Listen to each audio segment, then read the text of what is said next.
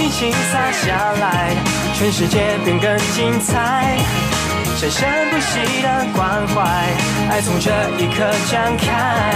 无论在什么地方，时间都要你明白。都说出来，地球的爱因为阳光而存在。就说出来，地球的爱因为阳光而存在。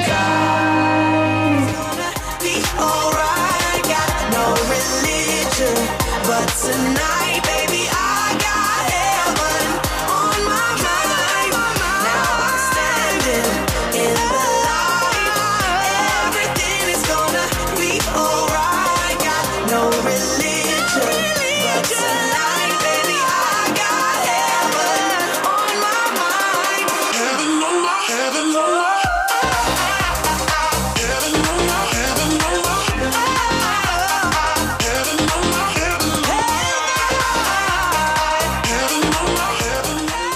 sobat muda pendengar siar Radio Taiwan Internasional program Bahasa Indonesia. Apa kabarnya? Ketemu lagi dengan gua Ipung di sini. Setiap hari Selasa, Blitz Musik tentu akan ngebahas yang unik-unik, seru-seru sekitaran musik nih kalau muda.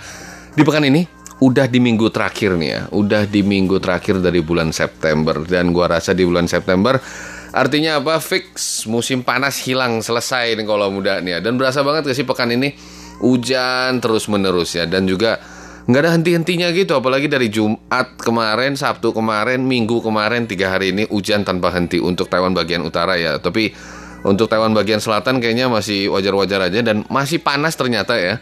Dan ya sebentar lagi mungkin kita akan memasuki yang namanya musim dingin dan semoga selalu jaga kesehatan ya.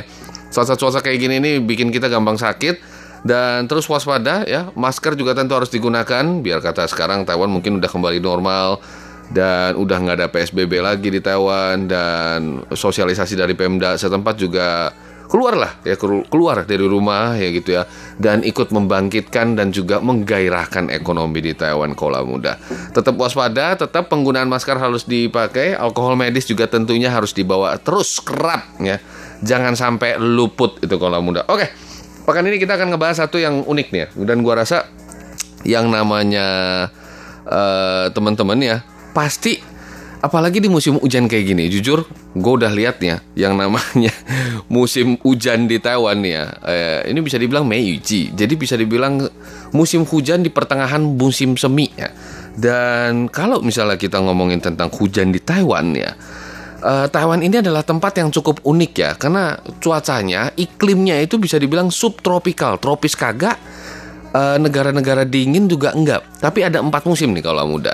Dan memang ya yang namanya musim hujan di Taiwan, apalagi yang namanya musim monsun, man, monsun ya, monsun ini bisa dibilang cukup banyak ya.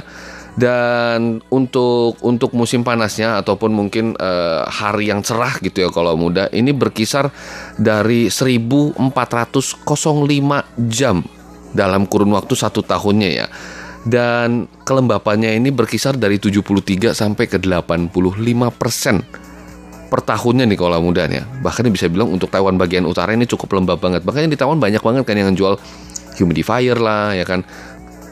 Terus ngejaga kelembapan dan sebagainya gitu ya. Dan memang diperlukan. Kalau enggak yang namanya baju ya apalagi instrumen ya kan. Apalagi mungkin uh, peralatan-peralatan uh, gadget lain lain sebagainya. Sofa gitu ya bisa lumutan bisa jamuran kalau muda. Dan namanya curah hujan di Taiwan ini bener-bener hampir bisa dibilang setengah ya setengah. Setengah dari 365 harinya ini hujan melulu nih kalau muda nih ya. Dan bisa dibilang yang namanya dari bulan Mei sampai ke September ini bisa dibilang curah hujan akan cukup banyak ya. Apalagi di pertengahan dan di pertengahan bulan September sampai ke bulan November. Ini pasti akan kerap yang namanya hujan ini akan terus datang nih ya. Tapi ya yang namanya hujan tetap datang.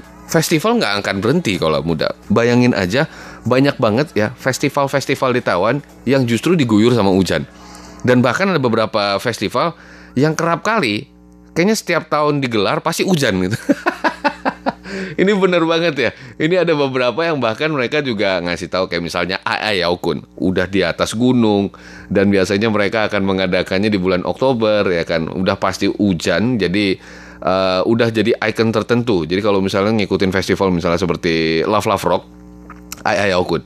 Ini biasanya udah harus pakai sepatu boot, jas hujan, mungkin jas anti air ya, dan mungkin celana yang gampang kering, Gore-Tex dan sebagainya. Bahkan bisa dibilang eh, udah jadi satu ajang untuk apa? Untuk yang namanya eh, adu-adu siapa yang paling tahan air gitu ya. Mungkin peralatannya, ya kan, mungkin dari musisinya bawa bawa gig bagnya seperti apa, ya kan, bawa mungkin eh, pedalnya harus pakai tas apa dan lain sebagainya. Dan untuk yang nonton juga sama. Dan kita akan ngeliat di kolom muda nih, bagaimana caranya ya ada berapa tips yang akan gue bagiin ketika lu nonton festival dalam kurun waktu eh, bukan dalam kurun waktu dalam musim hujan ya. Bisa dibilang hujan itu udah pasti ada dan festival-festival ini juga nggak akan berhenti. Kalau ada hujan bagaimana di atas panggungnya? Tetap jalan, nggak ngefek ya. Ya paling monitor, speaker gitu ya, DI, kabel-kabel listrik, semua mungkin di- dibungkus ya, dibungkus pakai biasanya plastik kalau nggak tong apa kantong plastik sampah dan lain sebagainya.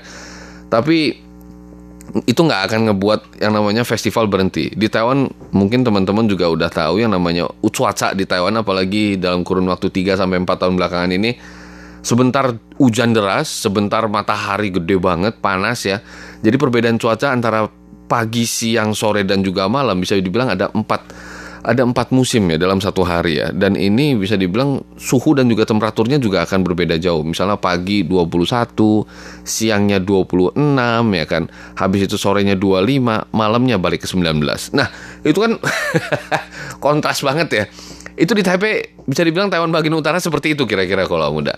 Dan yang namanya bawa jaket lebih ya kan. Kalau kalaupun bisa mungkin teman-teman di Taiwan juga yang apalagi yang berdomisili di Taiwan udah pasti tahu nyari jaket yang anti air itu kayaknya udah jadi pilihan yang tepat. Oke, kita gua akan kali ini bagi beberapa tips bagaimana caranya ya biar lu bisa pergi ke festival nggak usah bawa payung ya dan mungkin mungkin dalam kondisi yang cukup kering gitu ya.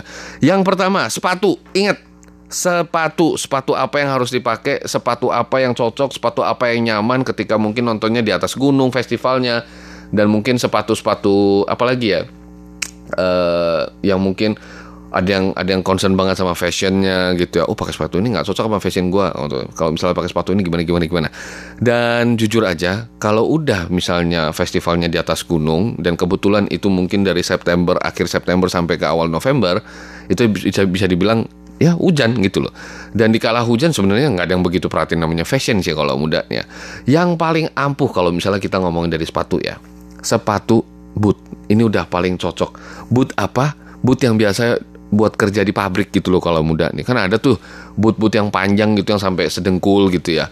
Pakai itu aja kalau muda. Memang agak panas. Mungkin ya kita harus cari cara yang namanya mungkin pakai kaos kaki, mungkin pakai celana bahan yang cukup enak gitu ya, biar udaranya itu bisa tergantikan di dalam kakinya gitu ya. Karena mendingan kaki keringet daripada kaki kecelup air ya. Bener gak sih? Apalagi misalnya lu udah seharian jalan, nongkrong, berdiri, nonton band gitu ya, terus hujan gitu ya. Dan sepatu lu kecelup air gitu loh. Nggak enak banget itu perasaannya. Dan nggak mungkin kan bisa naik turun dengan simple. Apalagi misalnya pulang dulu bentar mandi gitu. Nggak mungkin kan. Biasanya apalagi festival-festival seperti ini lokasinya jauh, keluar dan masuknya susah, harus nyari tempat parkir dulu dan lain sebagainya. Bawa boot sepatu, sepatu boot ini penting banget. Kalau mungkin ada yang teman-teman yang gue lihat mungkin pakai Doc Martin, mungkin juga ada yang pakai Red Wing gitu ya, boot-boot mahal gitu loh, boot-boot butik ya.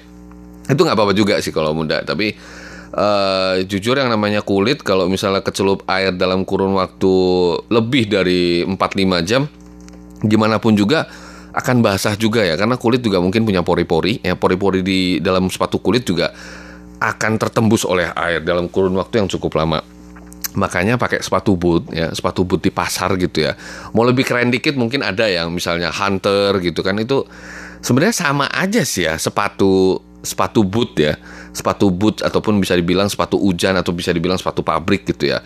Yang membedakan adalah sepatu tetap luarnya plastik dalamnya mungkin ada ada lapisan linennya gitu loh. Jadi mungkin akan ngebantu dikit untuk membantu pernafasan. Tapi sebenarnya juga sama aja nih kalau muda. Mungkin akan terlihat jauh lebih keren dibandingkan dengan eh, yang beli di pasar mungkin hanya 400-500 NT udah dapat satu pasang sepatu boot gitu ya dan mau keren dikit mungkin pakai hunter yang mungkin harganya 3 ribuan bahkan ada yang lebih mahal lagi gitu ya barbor gitu ya. Bisa juga gitu ya kalau muda ya. Tapi itu ya sesuai selera gitu ya. Yang penting pakai sepatu boot dalam kondisi seperti itu akan jauh lebih nyaman dibandingkan lu pakai converse ataupun sepatu kanvas lainnya ya.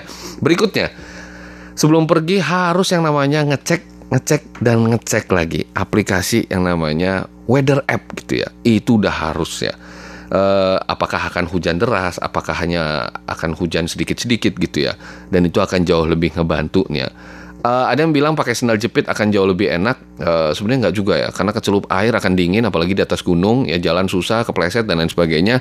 Mendingan pakai sepatu boot, ya itu akan jauh lebih gampang. Berikutnya, sebisa mungkin ya, sebisa mungkin untuk tidak membawa uh, payung. Ya, kalau misalnya apa ya? Kalau misalnya sendirian jalan kaki dan lain sebagainya itu nggak masalah ya payung mungkin bisa dikeluarkan. Tapi ketika lo udah nonton festival, orang udah bergerumul tuh ya, udah ngumpul jadi satu kayak ikan sarden. Dan ketika lo harus bawa payung, itu akan susah banget. Dan ketika lo nonton, pegel juga kan bawa payung selama satu jam. Makanya desain ataupun mungkin persiapan untuk outfit de punya lu ya eh, itu mungkin harus dipersiapkan dan juga dipikirkan secara matang-matang. Apakah gua akan bawa payung selama nonton festival satu band selama satu jam? Nggak mungkin juga kan. Makanya mungkin ada alternatif lain misalnya seperti jas hujan ya. Tapi jangan beli jas hujan yang yang bahan plastik tembus pandang gitu kalau muda. Karena apa? Eh, pertama nggak awet. Yang kedua ya eh, sebagus apa ya ses- sesimpel dan sepraktis apa pun jas hujan murahan itu yang yang yang warna kuning lah warna putih gitu ya pasti akan basah juga. Karena memang bentuknya yang terlalu lemes gitu ya. Jadi bagaimanapun juga air itu juga akan masuk biasanya dari atas kalau nggak dari dari dari apa ya dari daerah leher terus masuk tembus ke bawah gitu kalau muda. Belum lagi kalau kalau misalnya nyangkut apa eh, tas orang lain lah sobek dan lain sebagainya jadi mungkin persiapkan jas hujan yang cukup enak ataupun mungkin eh, teman-teman ada yang punya koleksi apa eh, jaket-jaket yang anti air gitu kayak Gore-Tex gitu ya. Kalau nggak mungkin eh, ya jaket-jaket yang anti air itu udah sangat penting banget gitu ya. Kalau mungkin jaket eh, kapas ya, mungkin di, disemprot pakai ini ya kalau mudanya. Disemprot pakai apa? Anti air. Kalau nggak pakai lilin lebah gitu kalau mudanya. Dan selain itu ya, yang namanya eh, pakai topi.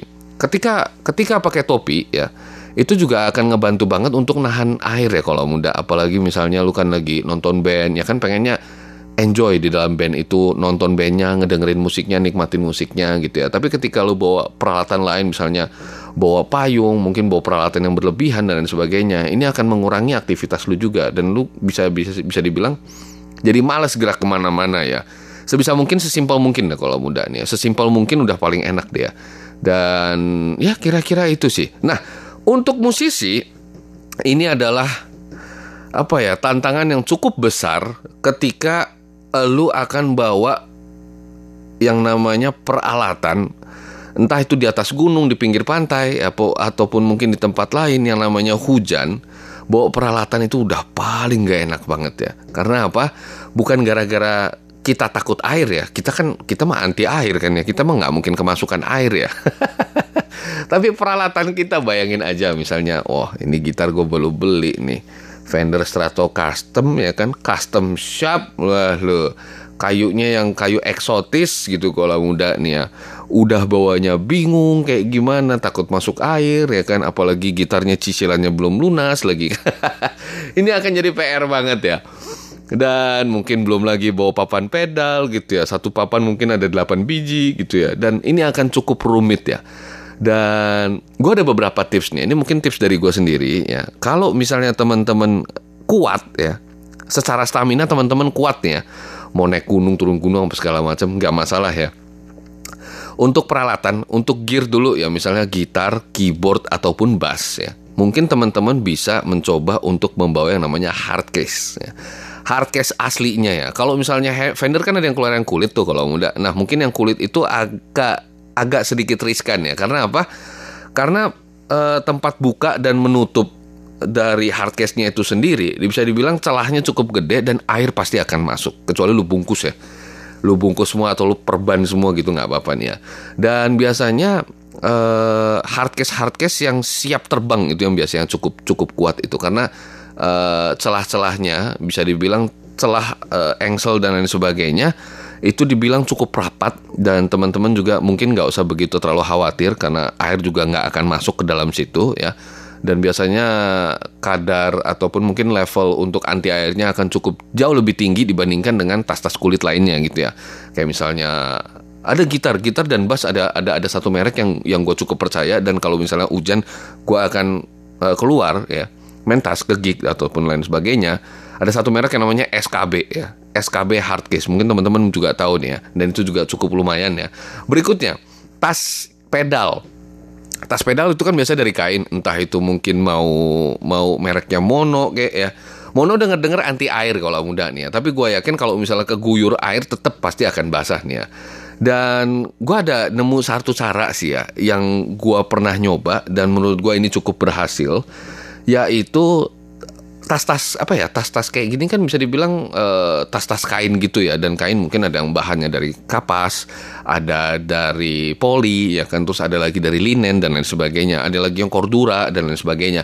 Nah mungkin eh, kesamaannya dari semua kain-kain ini mereka punya rongga mereka punya pori-pori. Dan pori-pori ini bisa apa digosok sama lilin lebah atau yang disebut dengan beeswax Beeswax kan minyak dengan air kan nggak akan jadi satu. Jadi kalau misalnya kita gosok secara merata, gosok secara merata, jadi beeswaxnya itu memang lilin lebahnya itu memang harus dilumerkan terlebih dahulu. Ya kalau bisa jangan sampai eh, lumernya harus ditaruh di dalam air panas ya. Air panas itu terus dididihkan dan lama-lama beeswaxnya itu juga akan mendidih gitu ya. Dan beeswaxnya itu juga akan lumer ya. Dan setelah lumer gosokkan kepada tas ya. Tapi cari barang-barang yang kecil dulu kayak misalnya gue pernah nyoba di sepatu karena mungkin sepatu yang gue nggak pengen sepatu converse ternyata gue coba gosok begini ternyata bener anti air dan setelah itu gue beranjak ke tas gig eh, tas eh, pedal dan lain sebagainya digosok dengan itu. Bagus banget sih ya. Jadi kalau misalnya teman-teman penasaran ya mungkin kirim-kirim aja eh, ke Facebook RTI gue akan ngebahas tentang yang namanya bagaimana caranya bikin tas gig lu eh, jadi lebih simple dan juga anti air ya. Tapi kayaknya gue udah di pengunjung acara, gue akan pamit diri dulu sampai ketemu lagi di pekan depan di jam dan juga waktu yang sama. Gue tunggu ya kalau muda nih. Siapa tahu ada pertanyaan seputar ini. Eh, ingat happy to simple dan simple itu happy. Gue pamit diri dulu. Sampai ketemu lagi. Bye bye.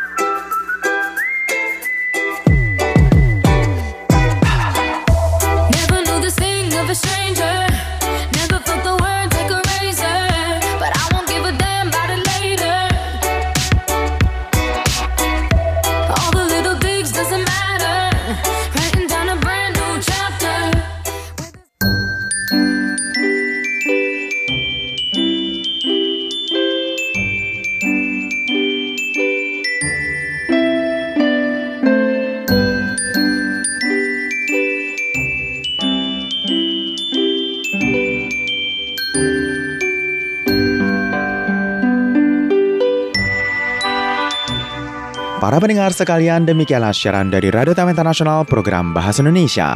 Acara kami sendiri disiarkan tiga kali sehari antara lain, siaran pertama disiarkan pada pukul 10 hingga 11 UTC dengan gelombang SW 11915 kHz. Untuk siaran kedua disiarkan pada pukul 12 hingga 13 UTC dengan gelombang SW 11915 kHz. Dan siaran ketiga disiarkan pada pukul 14 hingga 15 UTC dengan gelombang SW 9735 kHz. Untuk acara hasil kerjasama dengan Kementerian Ketenagakerjaan Taiwan disiarkan setiap hari Kamis pukul 20 hingga 21 waktu Taiwan dengan gelombang MW 1422 dan siaran ulangnya disiarkan pada hari Jumat pukul 8 hingga 9 waktu Taiwan dengan gelombang MW 1422. Guna memudahkan pemantauan siaran dari RTI, silahkan mengunduh aplikasi Radio Taiwan Internasional di dalam gawai dan juga gadget Anda. Jangan lupa untuk menambahkan fanpage Facebook RTSI. Untuk kritik dan saran, silahkan kirimkan email Anda ke rtsi at rti.org.tw. Dan untuk surat tertulis, silahkan layangkan ke PO Box 123, strip 199 Taipei City, kode pos 11199 Taiwan. Para pendengar sekalian, jangan lupa untuk selalu mendukung dan mendengarkan siaran dari Radio Taiwan Internasional program Bahasa Indonesia. Terima kasih.